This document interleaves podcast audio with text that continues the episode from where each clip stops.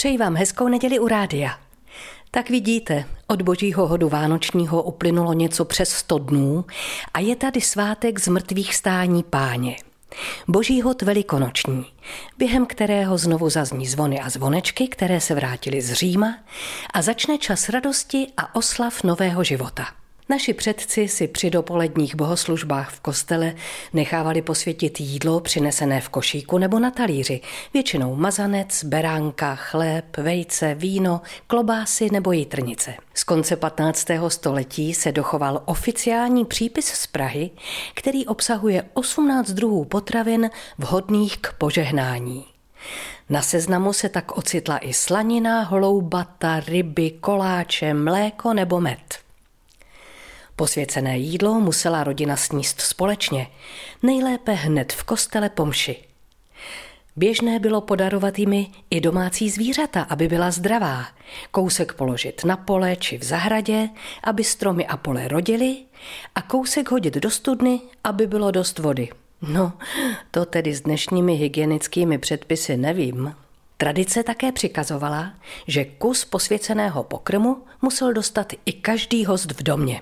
Velikonoční mazanec patří mezi nejstarší české obřadní pečivo u nás. Tvar bochánku má záměrně, aby připomínal chléb, boží dar.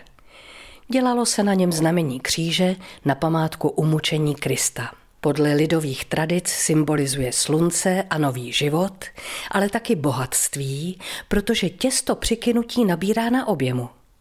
Dáte-li kus mazance, dostanete mládence, říkalo jedno pořekadlo a tak se tímto pečivem mladé dívky snažili navnadit nápadníky.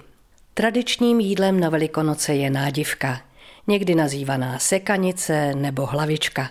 Spolubojovníci mého muže na vojně jí říkali plňka a moc se na ní vždycky těšili. Vozila se mi pravidelně při každé návštěvě, i mimo Velikonoce. Zaručeně pravý jediný recept nenajdete, protože nádivku každý nebo každá připravuje jinak. Co vám budu povídat? Kolik kuchařů, tolik receptů. Něco čerstvého zeleného je ale podmínka. Zábava začínala o velikonoční neděli už za rozbřesku.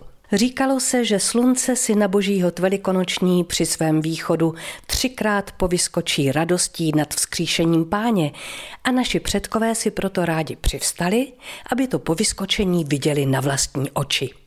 Objevilo-li se slunce na čistém nebi, znamenalo to pěkné léto a bohatou úrodu. Nepsaným pravidlem bylo, že o velikonoční neděli se nesmělo zametat, prát, mít nádobí, stlát, šít, čistit boty ani vynášet hnůj z chléva.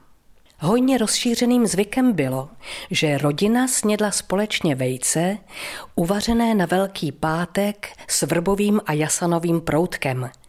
To proto, aby se členové rodiny v dalším roce nerozhádali a drželi pohromadě. V ten den také dávala dívka svému vyvolenému jako koledu takzvaný uzel, což byl bílý, zdobně vyšívaný šátek, naplněný barevnými vejci, k nímž se přidával mazanec a obřadní pečivo. Někdy děvčata dávala do uzlu i takzvané rejsky, vejce rýsovaná, nebo straky, což byla vejce malovaná voskem a pak namáčená v barvě. Do uzle se také dávaly takzvané párky, to ale nebyly uzeniny. Nýbrž dvě barevná vajíčka, k sobě spojená s tuškou, čili spárovaná. Ta si chlapci schovávali na památku.